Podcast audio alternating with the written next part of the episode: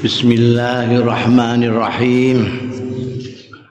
Qala al-muallif rahimahullah wa nafa'ana bihi wa bi ulumihi fid dharain amin.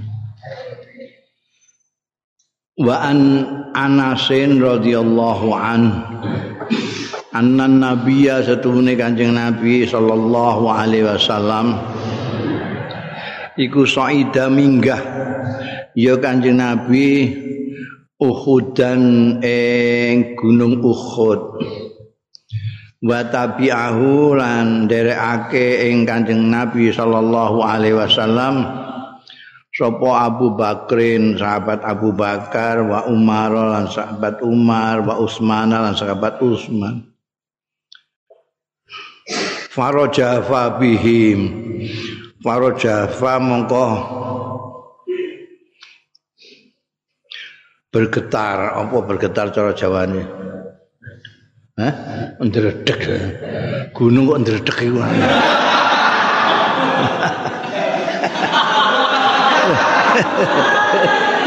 Kowe iku aneh-aneh yang batang kula.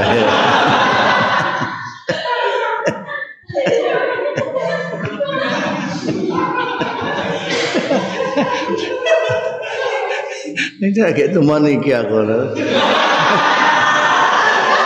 Gunung kok ndredeg. Iki sing Rajapa iku gunung ya. Gunung Uhud iku. Bergetar kok ndredeg. Kon golek nene sing liyane. Sing ora guyokno wong ngono.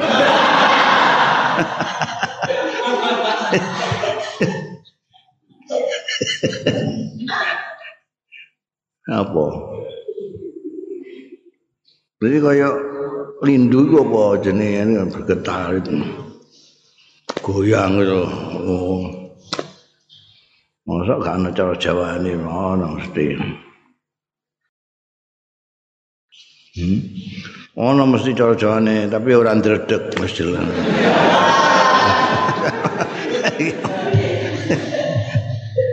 bergetar.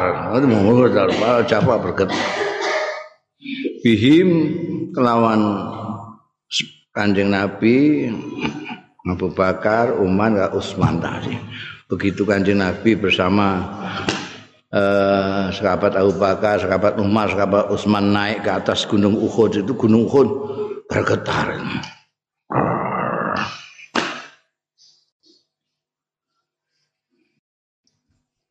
Fadarabahu bi rajlihi. Fadarabahu mongko menghantamkan sapa Kanjeng Rasul sallallahu alaihi wasallam menghantam hu ing Uhud birijlihi kelawan sukune Kanjeng Nabi. Di gedruk Pakola mongko dawuh sapa Kanjeng Nabi sallallahu alaihi wasallam, "Usbut Uhud." Tengok-tengok Uhud tuh, eh, Uhud. Macam-macam bergetar barang. Wa inna ma'alaika mongko angin penting angin pestine iku ning atas sira di atasmu ini nabiyun utawi nabi wa siddiqun lan siddiq wong sing akeh percayane wa syahidani lan dua orang syahid. Jadi wis Kanjeng Nabi wis pirsa. Nek dua orang menantunya ini jadi seakan jadi syahid itu Ini juga ini juga pernyataan bukti bahwa Sayyidina Utsman maupun Sayyidina Ali meskipun sing mateni itu Sayyidina Utsman itu yang mateni ya wong sembahyang. Tapi tetap itu disebut syahid. Wafatnya syahid dua-duanya. Meneng itu kan asalnya bergetar itu. Apa senenge Gunung Uhud itu bergetar karena memang kena wibawane Kanjeng Nabi dan sahabat-sahabatnya ini itu bergetar itu. Cara bahasa batangin dredeg.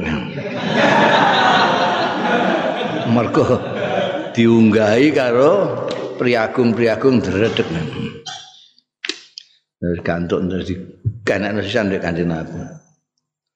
Nganteng tengok-tengok. Usput iku tetep sira iku maksude aja macem-macem. Tengok-tengok. Larem ini duduhno nek. Apa jenenge? Sing dua iki sahabat Umar mek sahabat Utsman iki sitoke mertua. Sahabat Umar itu wafat dibunuh bukan oleh orang Islam. Sing Sayyidina Utsman sing oleh orang Islam.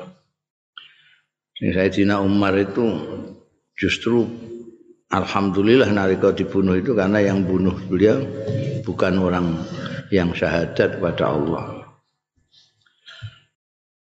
Ya. orang majusi apa wong? Iki syahid dua-duanya ya semangat maksud orang melak Sayyidina Ali Sayyidina Ali juga syahid itu. Ya Allah itu tragis sekali. Jadi Ulafaur Rasidin itu satu saja yang tidak syahid. Yang wafatnya biasa sahabat Abu Bakar Siddiq. Sahabat Umar ya syahid dibunuh orang, Sayyidina Utsman ya dibunuh orang, Sayyidina Ali karamallahu wajah juga dibunuh orang. Sayyidina Utsman dibunuh oleh orang-orang yang tidak puas itu pemberontak lah, Bugot.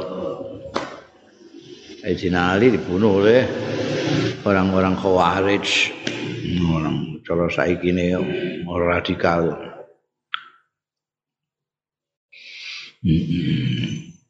Wa an Muhammad bin Sa'din an Abi saking ramane Muhammad yaitu saking Sa'ad. Sahabat Sa'ad itu kala Andika sapa Sa'ad istazana Umar Jaluk izin sapa Umaru sahabat Umar bin Khattab ala Rasulillah yang atase Kanjeng Rasul sallallahu alaihi wasallam. Wa indahu lan iku ana ngasani Kanjeng Rasul sallallahu alaihi wasallam. Nisaun wong wadon-wadon ming Quraisyin. Orang-orang perempuan-perempuan Quraisy. Yas'alnahu sing nyuwun pirsa ya nisa hu ing Kanjeng Nabi sallallahu alaihi wasallam. wa nahu lan ngekeh-ngekehno ya nisa ming kures u ing Kanjeng Rasul. Jadi ora mau takon-takon tapi macam-macam pertanyaan iku dijawab takon neh dijawab takon neh wis nahu. Nah, Kanjeng Nabi itu kan Kanjeng Nabi itu orang yang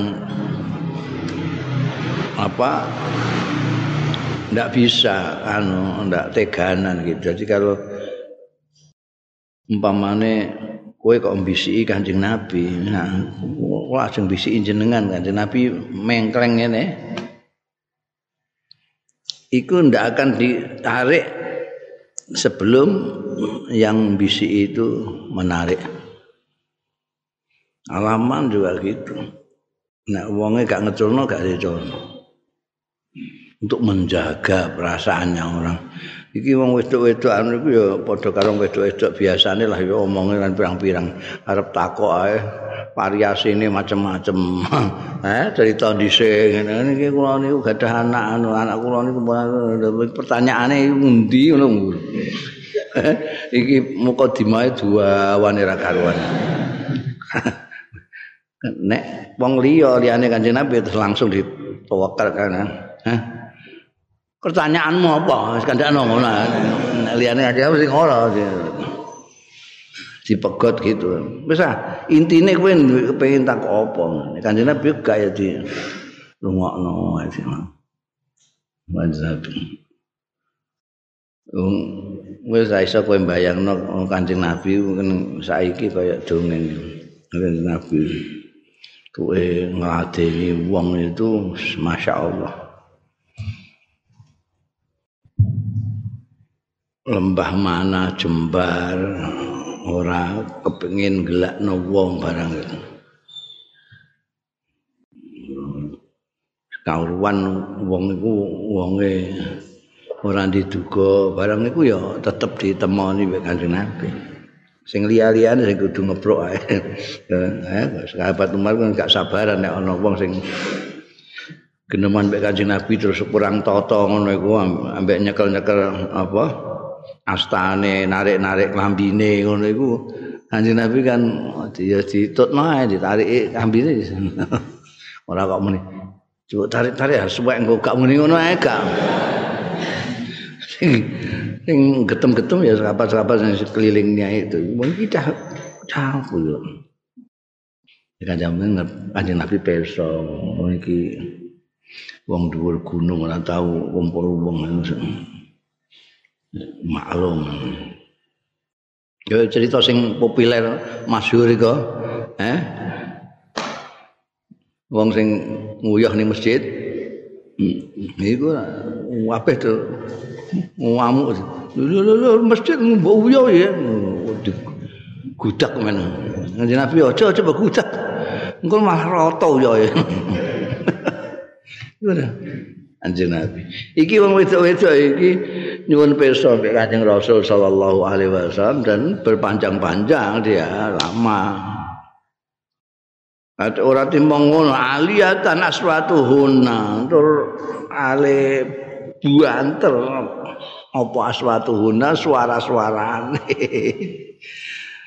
Ngungkuli ala sautihi ngatasé suarane Kanjeng Rasul sallallahu alaihi wasallam Kanjeng Nabi itu lemah lembut ngendikan barang wis pokoke anggere wong krungu ra wis ora sang gembar-gembor iki wong wedok iki nang angger buanter ya. Heh, Kanjeng Nabi, putih. Kanjeng Nabi, piye piye? Niki buanter ya karuan. Alam mastadzana Umar bareng Assalamualaikum. Jaluk izin sekabat Umar bin Khattab. Kabar darna, mongko spontan agi-agi ya nisa al hijabah ing nutup. Asale wis ora nganggo hijab-hijaban bar ndekne ben. Warang terus kapat Umar suwane kabar terus langsung tabadarna spontan. Nganggo hijab nutup wiraine. Fadina mongko ngidini lahu marang sahabat Umar Rasulullah Kanjeng Rasul sallallahu alaihi wasallam Adakhala Monggo mlebet ya Rasulullah Kanjeng Rasul sallallahu alaihi wasallam yathaku haling gujeng Kanjeng Rasul. Kanjeng Nabi gujeng ana sahabat Umar ing jaba njaluk izin Assalamualaikum. Ambek gujeng nemoni sahabat Umar. Faqala monggo matur sapa sahabat Umar bin Khattab. Adhakallah muga-muga bungahno sapa Allah ngguyokno ngguyokno muga-muga ngguyokaken sapa Allah sinaka ing waja panjenengan. Kowe ngerti waja dong batang? Apa? Apa Lumuni mantuk-mantuk kok takoki apa? Eh? Eh? Ya. Nah, waca untung. Ini kanjeng Nabi ku waca. Basa krama inggil. Ma'at haka, ma'at haka kan iku napa at haka ka ingkang damel gumujeng ma ing panjenengan ya Rasulullah bi abi anta wa umi demi bapak kula mbok kula panjenengan wa umi lan mbok kula. Kepingin untuk menekankan pertanyaannya itu pakai BAB antawa umi ini kebiasaannya sahabat Umar, sahabat Abu Bakar selalu mengatakan. Nek kepingin betul-betul kepingin jawabannya BAB antawa umi Mugi-mugi Gusti Allah mbingahaken panjenengan Mas. Sampai adhaka biasanya wong wong guyu kan mergo bunga gembira. Jadi adhakallahu sinnak itu donga untuk supaya orang itu gembira bahagia. Bariku lagi yo. Iku adabe iku ngono. Ndongakno apik sik lagi bertanya jenengan kok ngujeng ngujeng napa kanjeng rasul kepengin ngeroh tenan wong nganggo bi anta wa ummi Pakola mongko dawuh sapa nabi kanjeng nabi sallallahu alaihi wasallam aku iku ajib tu min haulain aku iku ajib aku gawok gawok saking mengkono-mengkono ngomong madun wong wadon mau lho wong wadon iku allai allati kun sing ana ya haula iku mau inti ana sanding ingsun. Aku heran perempuan-perempuan tadi itu loh yang di menemui saya tadi Kenapa? Falamma sami'na mongko bareng krungu ya alati sautaka ing swara sampean tabadarnal hijab. Mongko spontan nutupi. Mblayu tabadarnal hijab. Menutup menutup diri cepat-cepat menutup diri Jadi segan wek sahabat Umar iku. Fakula faqala maka matur sapa Umar sahabat Umar radhiyallahu anhu anta utai panjenengan akhaku menika luwih berhak ayatna an ayyahabna yen to nyungkani nyenisan alati ya Rasulullah Rasul mestine jenengan ingkang langkung disungkani di mana kula niku. Enggak kula kok terus sungkani. Eh jenengan mesti ini lebih sungkan.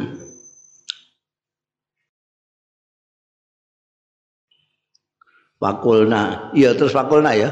Eh? Iya. Fakulna. Mongko padha ngucap sapa nisa atau lati. Nam nggih mawon anta afat wa aglat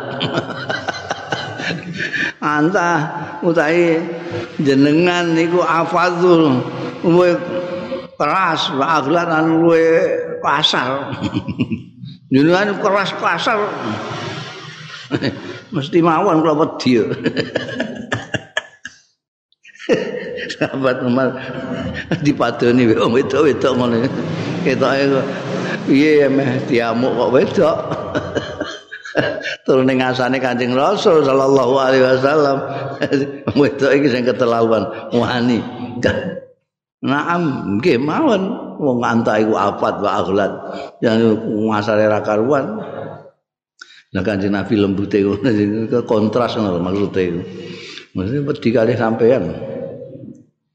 Aku delok perahu mungkin delok perahu panis kabat Umar iku ya. Sing makola makola maka dawuh apa Rasulullah Kanjeng Rasul sallallahu alaihi wasallam? Ihan yabnal khattab ihan bisa anjarno ngono kira-kira ngono bahasa bahasa ini ngono. Jadi ihan itu kata-kata untuk Dan wis rasa mbok gatekno ngono lho cara kene ngono. Iku. Nah, jarno ae. ya benar kan. Asale ana sing maca i. Ana sing maca i tok ngono. Iya, ana nganggo apa? Orang nganggo tanwin tapi sing akeh muni ihan. Ihan ya benar khattab. Itu ada kata-kata seperti itu. Ono ah, itu ono macam-macam bahasa-bahasa Arab itu yang untuk percakapan-percakapan. Buat terjemah no yo. Angel. Yo padanannya saja, padanannya. Kaya ini percakapan Indonesia kan tidak ada itu. Bi abi anta wa ummi barang alaikum piye ku mbok maknane piye? Malah ra mudeng sing mbok jak geneman. Ma'at hataka ya Rasulullah bi abi anta wa ummi dace mbok terjemahno. Ya. apa yang membuatmu tertawa ya Rasulullah dengan ayahmu? Engkau dengan ayahku. Engkau dan ibuku. Wah seramu deng wong Bibi anta wa um itu memang semacam sumpah yang untuk penekanan. Minta jawaban. Iki ono ihan ihan ya jarno ae. Wa wallazi nafsi biade monggo demi zat nafsi kang utawa ingsun biadi ana ing astane allazi malakia ka setan ora nemoni ing sira sapa setan setan salikan kale ngambah fajan ing dalan illa salaka kejaba ngambah iya setan fajan ing dalan ghaira fajika liyane dalanira jadi itu kan Nabi ngatek sumpah demi Allah. Njana wis ngono iku pancen ya bener omongane wedok-wedok mau kowe luwih segan disegani itu ya pantes jemeneh kok wong-wong setan iku wae ganggu sumpah baladi nafsi biadi setan iku wae Angking ora kepingine ketemu kowe. iku dene nek metu dalan kok siji kowe kok dalan iku ya dhewe nyongkelak pindah ngono. Ora gelem nek satu jalan dengan kamu itu wedi. Eh? Wibawane sahabat Umar itu luar biasa. Itu gambar sampai kancing Rasul Sallallahu Alaihi Wasallam malakia syaitan salikan fajjan illa salaka fajjan ghaira fajjika jadi kalau kok kulon metu jalan kene? Setan kok kan cengkelak wis timbangane ketemu sahabat Umar balik cengkelak. Kowe iso mbayangno kaya apa? Oh, gambar sahabat Umar itu nek tindakan rono ning guri-guri wong anak sing do mlaku pirang-pirang ning gurine. Tiba-tiba sahabat Umar kok mandek jeger. Apeh mandek kabeh. Sak guri-guri mandek kabeh. Ono apa? Ono apa ngono. Mulane nalika sahabat Abu Bakar nunjuk beliau untuk menggantikan itu, jane akeh sing gak setuju. Kuwatire wah, wedi. Wah, iki kondang tangan besi. jadi penguasa tangan besi apa ayah awake dhewe iki ternyata sebaliknya justru sahabat Umar sangat tangan besinya untuk musuh-musuh itu. Untuk orangnya sendiri rakyatnya sendiri sangat-sangat. Jadi terus nirutno kanjeng Nabi kalau sahabat Abu Bakar. Meskipun wong ya isih isih do wedi ngono. Dadi nek ana kematian wong wedok-wedok nangis sahabat Umar ding karek dehem ngono tak meneng kabeh cop. Eh? Wedi kan. Cukur ngono kan sahabat Umar cukur kok dehem ya guntingnya tukang cukur mencelat ngono. Kaget ini. Iki ana apa Faslun ruya anil Abbas bin Abdul pecintane pecintane sahabat Umar itu antara lain Al Abbas Al Abbas ini banyak sekali dia untuk ngidolakno ya. Ruya dan diwetake Anil Abbas saking Al Abbas bin Abdul Muttalib radhiyallahu an. Kuntu kala ngendika sapa Abbas, kuntu ana sapa ingsun ana iku jaran di Umar. Aku iku tangga. Ana sapa ingsun ana iku jaran tangga. Li Umar kedue Umar. Aku iki tanggane Umar. Famaro itu mongko ora ningali sapa ingsun akadan ing seorang pun minan nasi saking manusa kana kang ana ya ahad iku afdhala lebih utama min Umar. Saya tidak pernah lihat ada orang yang lebih utama daripada tetangga saya namanya Umar. Orang baiknya kayak gitu tidak ada. Inna lailahu salatun setuhune bengine. Kok ngerti? Tangga inna lailahu setuhune bengine Umar. Iku salatun sembayang nek bengi salat ae. Salat ae. Wa inna naharahu siyamun. Mbah posone mergo ganti sego pokoke poso. Wa inna naharahu setuhune. Awane sekabat umar iku siamun poso. Wa fi hajatin nas lan ing dalem memenuhi kebutuhan-kebutuhane manusa. Nek bengi salat nek awan poso lan ngopeni wong-wong kebutuhane apa? Ana sing kepengin ditulungi tulung.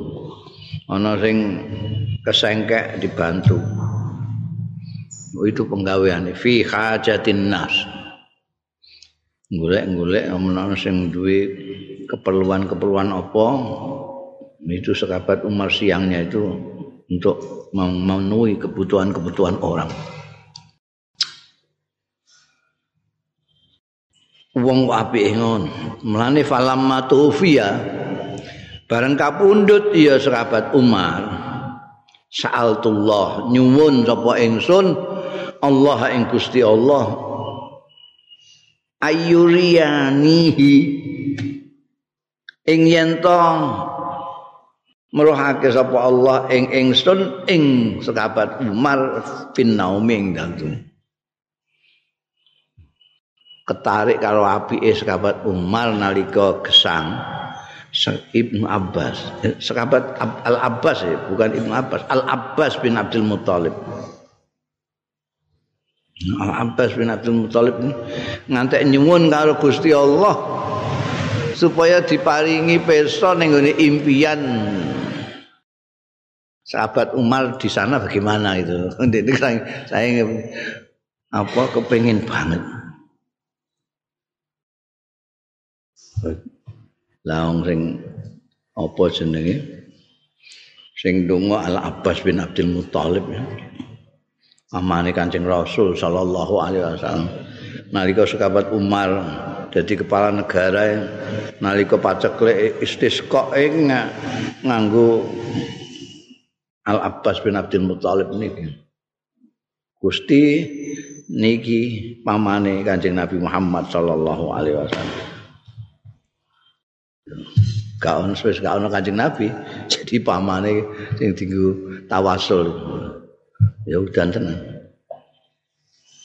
Nah iki ndonga karo Yesus dipenuhi mbek Gusti Allah taala. Faraitu mukbilan min sukil Madinah. Nah, aku terus ngipir roh sekabat Umar mukbilan mat madhep hale madhep min sukil madinati saking pasar Madinah. Rumangsa aku, aku ketemu beliau itu, beliau baru datang dari pasar Madinah. Saya ketemu dari pasar Madinah. Pasalam tu alaih mongko nyalami sapa ingsun alaihi ing atas sahabat Umar. Assalamualaikum. Wasallama alayya lan uluk salam sapa sahabat Umar alayya ing atase ingsun. Waalaikumsalam. Uluk salam. Ini sik ketoke kok kok pasar. Sumakul tu mongko keri-keri. Ngucap sapa ingsun lahu marang sahabat Umar, "Kaifa anta?" Ali kepriye anta utahe sira? Iku kali kepriye anta utahe? Kabare sampean sundi. Apa kabar? Kolan jawab sapa sahabat Umar bi. Baik-baik saja. Saya baik-baik saja. Kultu makana utawi apa iku kana ana ya mat. Terus piye saiki kondisine gimana kamu? Kolan jawab sapa sahabat Umar, al ana khina faragtu minal hisab saiki iki khina faragtu nalikane rampung sapa ingsun minal hisab saking hisab wallahi kada arsi yahwa yahwi laula an wajadtu rabban rahima.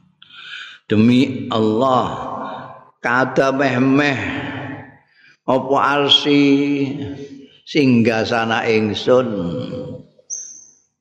Yahwi ku meluncur ceblok mengisam itu kinayah kedudukannya akan ambrol jatuh. Itu karena ars itu singgasana tempat duduknya raja. Kalau itu hancur berarti rajanya sudah tidak ada artinya. Simbol daripada kekuasaan kehebatan itu singgasana. Singgasana ku wis bar ngono ae. Laula an wajatu lamuno ora nemu sapa ingsun rabban ing pangeran rahiman sing maha kasih sayang. Dari jadi sudah apa jenenge? Sahabat Umar ngendikan ning sahabat Al Abbas dalam mimpinya itu saiki aku wis rampung dikisap wis jane umpamane kok gak ketemu karo pangeran sing maha kasih sayang itu sambiar aku. Ambiar. Untunge kok ana pangeran kok pangeran sing rahiman. Akeh welase. Jadi selamat aku ya gak selamat iku piye wong sahabat Umar. Sahabat Umar iku sing duwe pengendikan sing populer iku, sing viral itu, eh. Makolahe quote-nya yang viral sahabat Umar kan hasibu ampusakum qabla an tuhasab. Hisaplah dirimu sebelum dihisap. Sahabat Umar setiap hari itu sudah ngisap dirinya sendiri. Ini kono wis padha karo wong ujian wis mempelajari kunci jawaban iku eh? Wa fi riwayati Abdullah ibni Umar lan iku ing dalam riwayate putrane dhewe iki. Wa fi riyal iku mau riwayat Al Abbas bin Abdul Muthalib.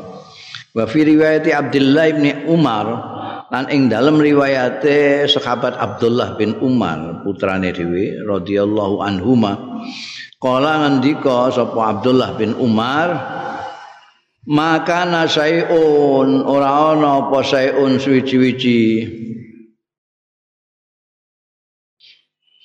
iku ahabbal weh didemeni laya marang ingsun an a'limahu yen to ngawruhi sapa ingsun hu ing syek min amri umar tinimbange tinam tinimbangane perkarane umar ramane. Aku wis gak kepengin roh apa sing tak kepengin itu. Piye oh, bapak itu sahabat umar itu piye Farahaitu fil mana mengko ningali sapa ingsun fil mana ming dalam sareku. Kosron ing istana gedung gedung megah sekali. Fakultu mongko ngucap sapa ingsun liman hadzal qasru? Iku keduwe sapa hadzal qasru? Utawi menika istana. Gedung hebat nih kagungane sinten? Kalu don jawab kalu ya jawab ya malaikat. Gunung ning impen itu ana sing jawab pirang-pirang. Li Umar bin Khattab. Iku kagungane sahabat Umar bin Khattab. Mering jawab ngono pirang-pirang dan jawab iki kagungane anu iki iki ana istana hebat nih kon iki sapa ya? Wong-wong do jawab kagungane sahabat Umar bin Khattab. Dadak fakharaja minal qasri. Fakharaja miyas sapa sekabat Umar minal qasri saking istana mau sing gedung mau. Wa alaihi lan iku ing sahabat Umar milhafatun utawi mantel. Ah, ngaku mantel. Milhafa itu bisa mantel bisa selimut. Tapi mau selimutan itu lah nganggo mantel lah keluar dari istana. Ka'annau kaya-kaya setuhune Sayyidina Umar iku qadir tasala teman-teman bar siram. Eh, kaya cara kene terus kemulan nanduk ngono kuwi. Iki milkhafa. Wah kaya bar siram iku. Pakultu mongko matur sapa ingsun, kaifa sonata? Hale kados napa sonata ndamel panjenengan? Jenengan anapa? Sepundi? Ola dawuh sapa sahabat Umar khairan apik. Aku gawe apik. Kada arsi persis karo mimpine sahabat Al Abbas mau ya. Sahabat Abbas mau apa jenenge? Jawab itu parok tuminal hisab. Terus wallahi kada. Ning kene iki ya ana ungkapan kada arsy yahwi laula anni laqaitu rabban ghafura. Perbedaane riwayat ngimpine sahabat Abdullah bin Umar iku meh-meh wae arsy singgasanaku yahwi ambrol ceblok laula anni lamuno ora stune ingsun iku itu ketemu sapa ingsun robban ghafura ing pangeran sing akeh pengapurane nek mau al abbas ngipi robban rahim pangeran sing akeh welas asih nek putrane dhewe ngipi robban ghafura iso ngono ya. Eh ngipine meh padha iki oh iki wali kabeh. Ora terima wali kesak ndure wali kabeh iki eh wali kan sudah beberapa abad. Beberapa abad setelah ini bayangno wali-wali sing nguri-nguri ae. Sektine ngono ya apa meneh iki? Wa an ibnu umar. Kan saking Abdullah eh, ibnu Umar. Dari Ibnu Umar juga ini. radhiyallahu anhuma. Ini enggak disebut Abdullah tapi ini yang maksudnya ya Abdullah bin Umar. Dari sekabat Abdullah bin Umar lagi radhiyallahu anhu maqala ngendika sapa bin Umar? Kana rasu Umar. Ana apa mustakane ngerti mustaka ya. Apa? Kepala ya sirah ya. Ana sama mustakane Sayyidina Umar iku ala ing atase pupu ingsun sahabat Umar di, di apa ditatoni dibunuh sampai orang itu ngelitak itu ke, kepalanya di atas pahanya putranya ini Abdullah bin Umar Ini diceritakno kalau Ibnu Umar sendiri. Ana para su Umar, mustakane sahabat Umar iku ala fahdhi ngatasé pupu ingsun fi maradhihi ing dalem gerahe nalika gerahe Umar alladzi mata fihi kang kapundhut sapa Umar fihi ing dalem marat lazi.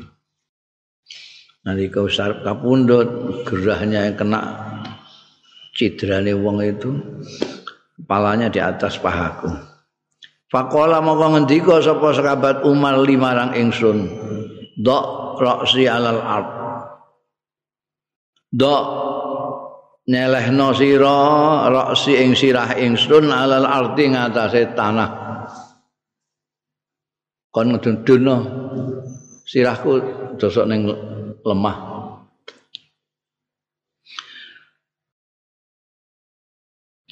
Fawadok tuhu mongko nyelehake sapa ingsun? U ing raksu Umar alal ardi ing atase tanah. Terus tak letakno pancen mundut supaya diserahno ning isa ya tak serahno ning isa. Asale ning ngene pupuku. Tak dono tak serahno ning ngene lemah. Fakola mongko dawuhan sapa sahabat Umar dawu waili wa wailu ummi ilam yarhamni rabbi waili cilaka.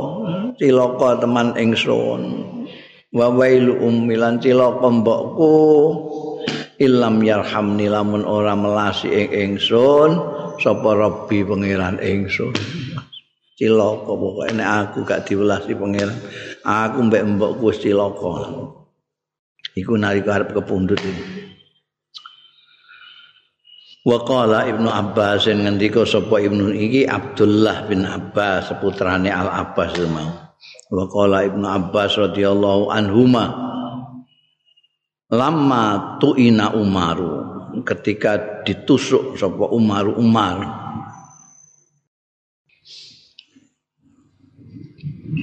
radhiyallahu anhu Dakhaltu mlebu sapa ingsun alaihi ing atase sahabat Umar. Begitu aku krungu beliau ditusuk aku terus kiliki. Qala Ibnu Abbas radhiyallahu anhu lamma tu'ina Umar dakhaltu alaihi. Faqala mau ngendika Ibnu Abbas, "Absir ya Amiral Mukminin." bergembiralah bunga penjenengan ya Amirul Mukminin he Amirul Mukminin Amirul Mukminin itu sudah pernah saya ceritakan itu julukannya sahabat Umar ketika beliau tidak mau disebut khalifah mau disebut Amirul Mukminin Nah, semua sejak itu semua orang yang jadi khalifah panggilannya Amirul Mukminin. Absir ya Amiral Mukminin fa innallaha qad massara bika. Was wah jenengan pun pokoknya bunga-bunga mawon berbahagialah jenengan ya Amirul Mukminin.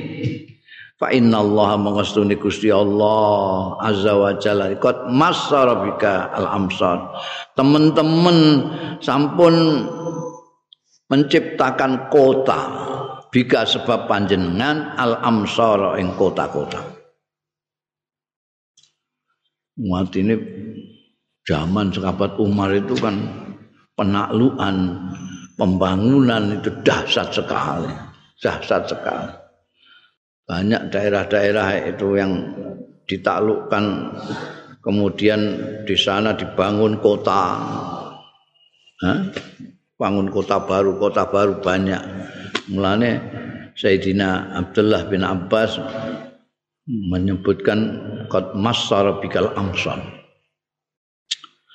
Jadi sudah kalau sekarang sahabat Umar mau pulang ke rahmatullah ya mesti senengnya mergo dia sudah berbuat banyak qad massarallahu bika al amsal wa dafa'a bika nifaq wa dafa'alan nolak bika sebab dafa'an nolak sapa Allah taala bika kanti panjenengan annifaq ing kemunafikan zaman sahabat Umar enggak dikasih ampun. Begitu ada tanda-tanda orang munafik sudah.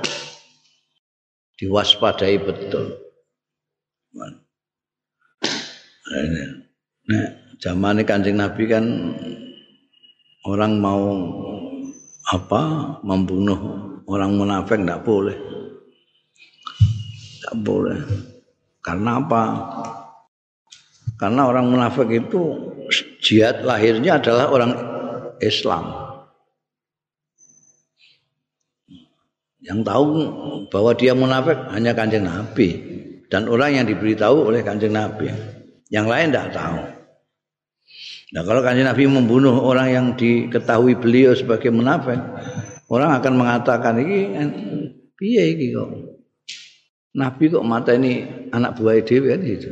Karena di mata orang banyak orang munafik itu tetap orang Islam. Tapi kanjeng Nabi Muhammad Shallallahu Alaihi Wasallam memberitahukan tanda-tandanya orang munafik, bukan untuk dibunuh, tetapi untuk diwaspadai. Maka gak iso ujit zamane sekabat Umar gak iso ujit orang-orang ini. Ini wis dipateni tenan jalan-jalan yang untuk mereka bisa dipercaya wes jabatan-jabatan yang membutuhkan kepercayaan tidak akan diberikan oleh kepada mereka. Ono tanda-tanda kemunafikan ini. Ibnu Abbas mengatakan wa dafa'a ay dafa'allahu bika sebab sampean annifaqa ing penafikan wa afsha bika rizqa lan menyebarkan afsha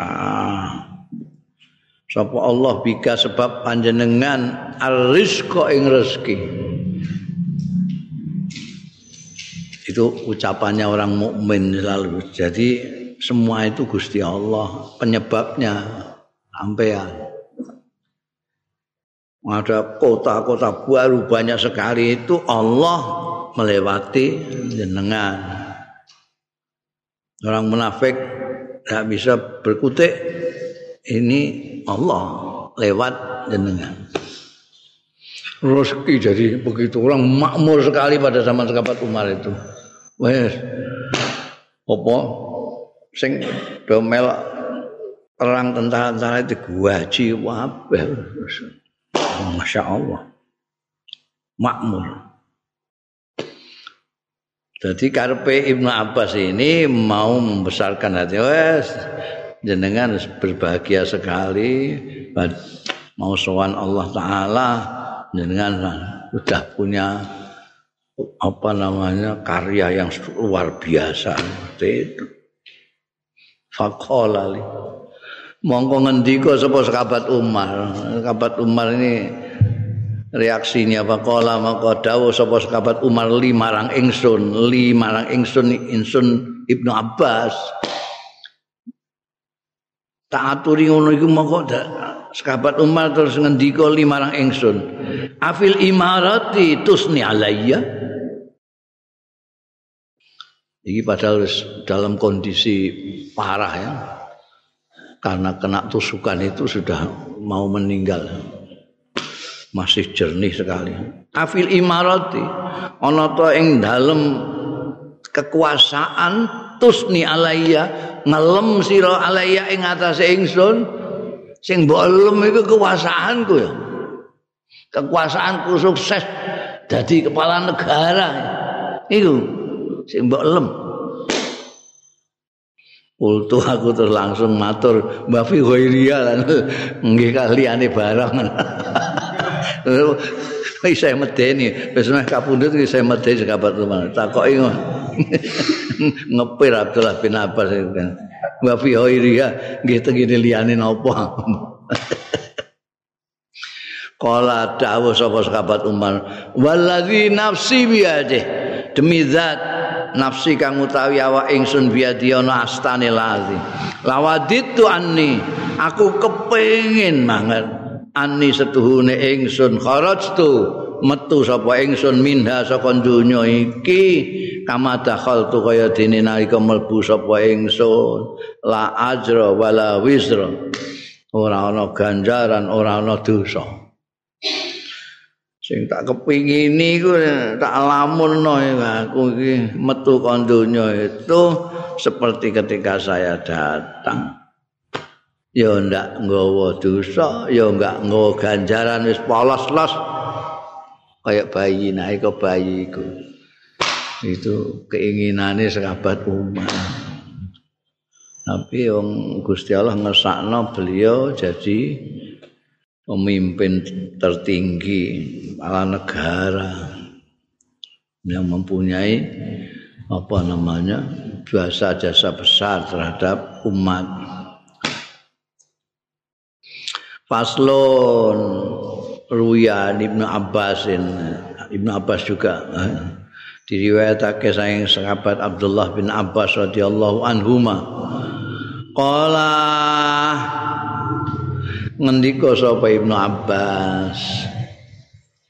Qoma unasun padha ngadeg sapa unasun wong-wong kuntu ana sapa ingsun iku fihim ing dalem unas jadi orang-orang banyak pada berdiri. Di antaranya saya juga termasuk situ melok-melok ngadeg bareng-bareng wong. Ya tarahamuna ala Umar.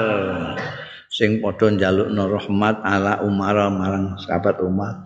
Mereka pada razia pada melihat Sayyidina Umar. Orang-orang itu pada ndongakno rahimallahu Umar rahimallahu Umar. Dan aku melok di situ tengah-tengah situ Kinawudi ala saririhi nalika diletakno ya Umar ala saririhi ing atase dipane sahabat Umar. Ketika sahabat Umar itu dari anu kan diangkat orang banyak karena apa namanya udah tidak bisa apa-apa terus diangkat ditaruh di keturone beliau faja'a rajulun mongko teka sapa rajulun wong lanang suwiji min waroi saka mburiku karena ini ada orang banyak saya di tengah-tengah situ terus ada laki-laki di belakangku Fawadoa mongko nyelehno ya rajul yadahu ing astane rajul ala mangkibi ngatasé pundak ingsun. Ana sing nyekel pundakku. Fatafattu mongko noleh sapa ingsun ilahi marang rajul faizan huwa mongko dubamdaan huwa utai rajul iku aliyun. Sayyidina Ali radhiyallahu anhu. Sayyidina Ali itu jadi Jadi apa nih? Pamane. Pamane Ibnu Abbas. Eh, Abbas bin Abdul Muthalib, Ali bin Abdul Muthalib ya. Abbas ini kangane Sayyidina Ali. Ibnu Abbas putrane jadi pali iki. Aku lagi en melok-melok ndonga njalukno rahmat dengan sahabat Umar ketika sahabat Umar ditaruh di atas dipanya itu tiba-tiba ada orang yang menyentuh pundakku tak toleh lho Esina Ali Patarahama mongko alukno ndongakno rahm untuk rahmat sapa Sayyidina Ali alaihi ing atase sahabat Umar. Jadi melok bersama-sama.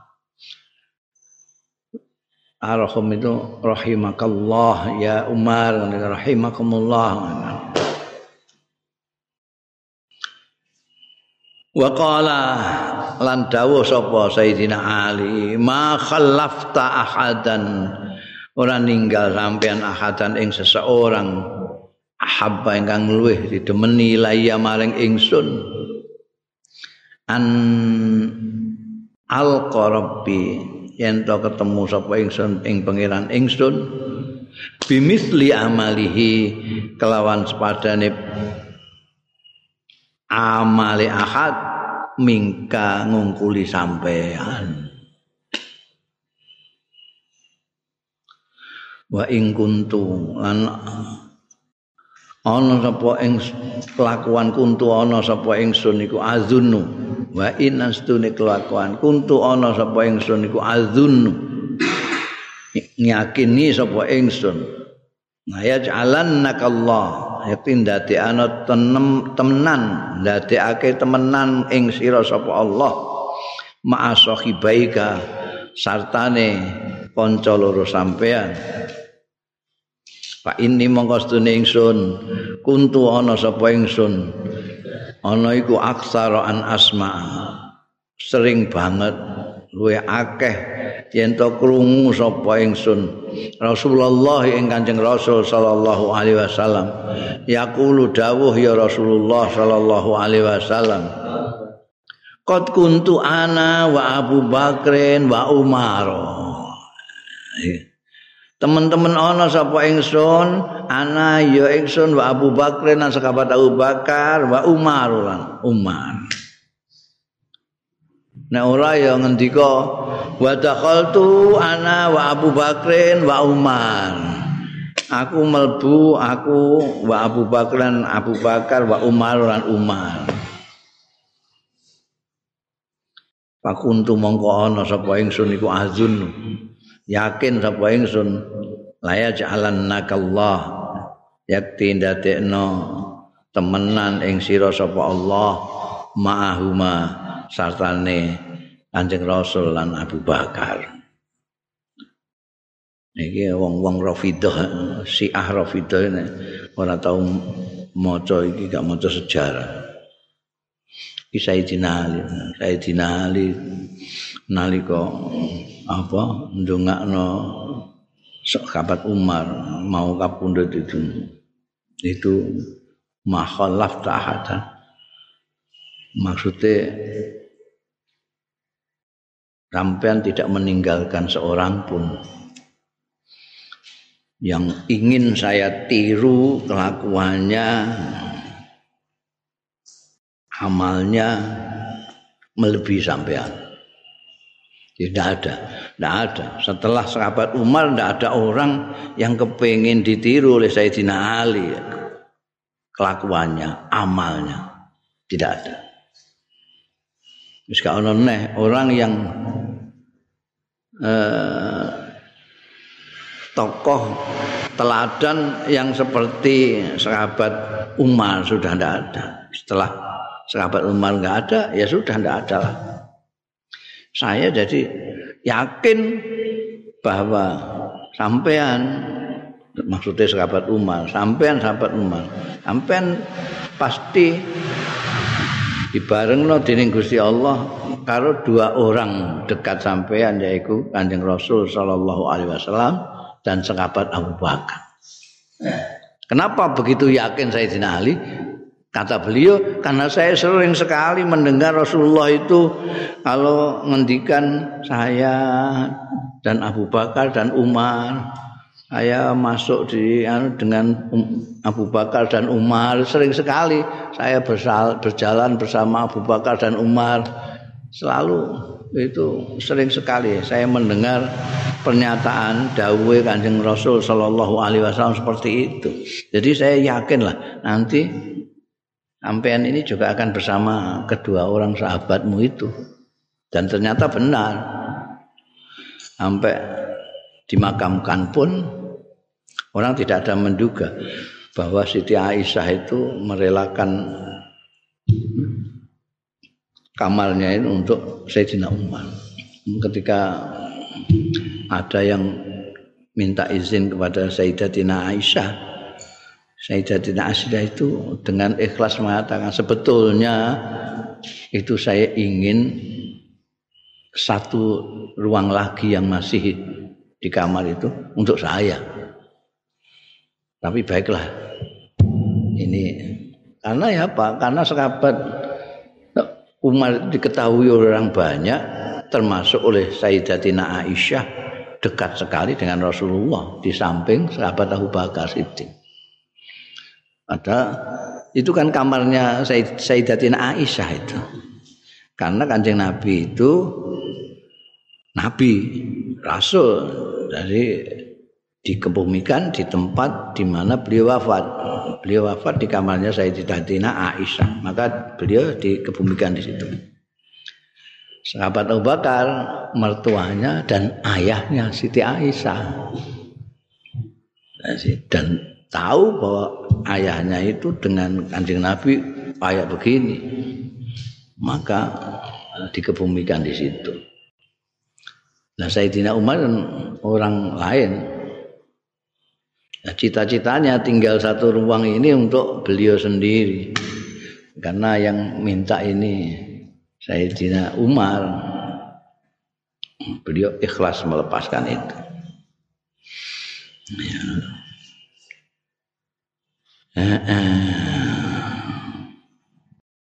Wa qala Aliun lan dawuh sapa Sayyidina Ali wallahu a'lam bishawab.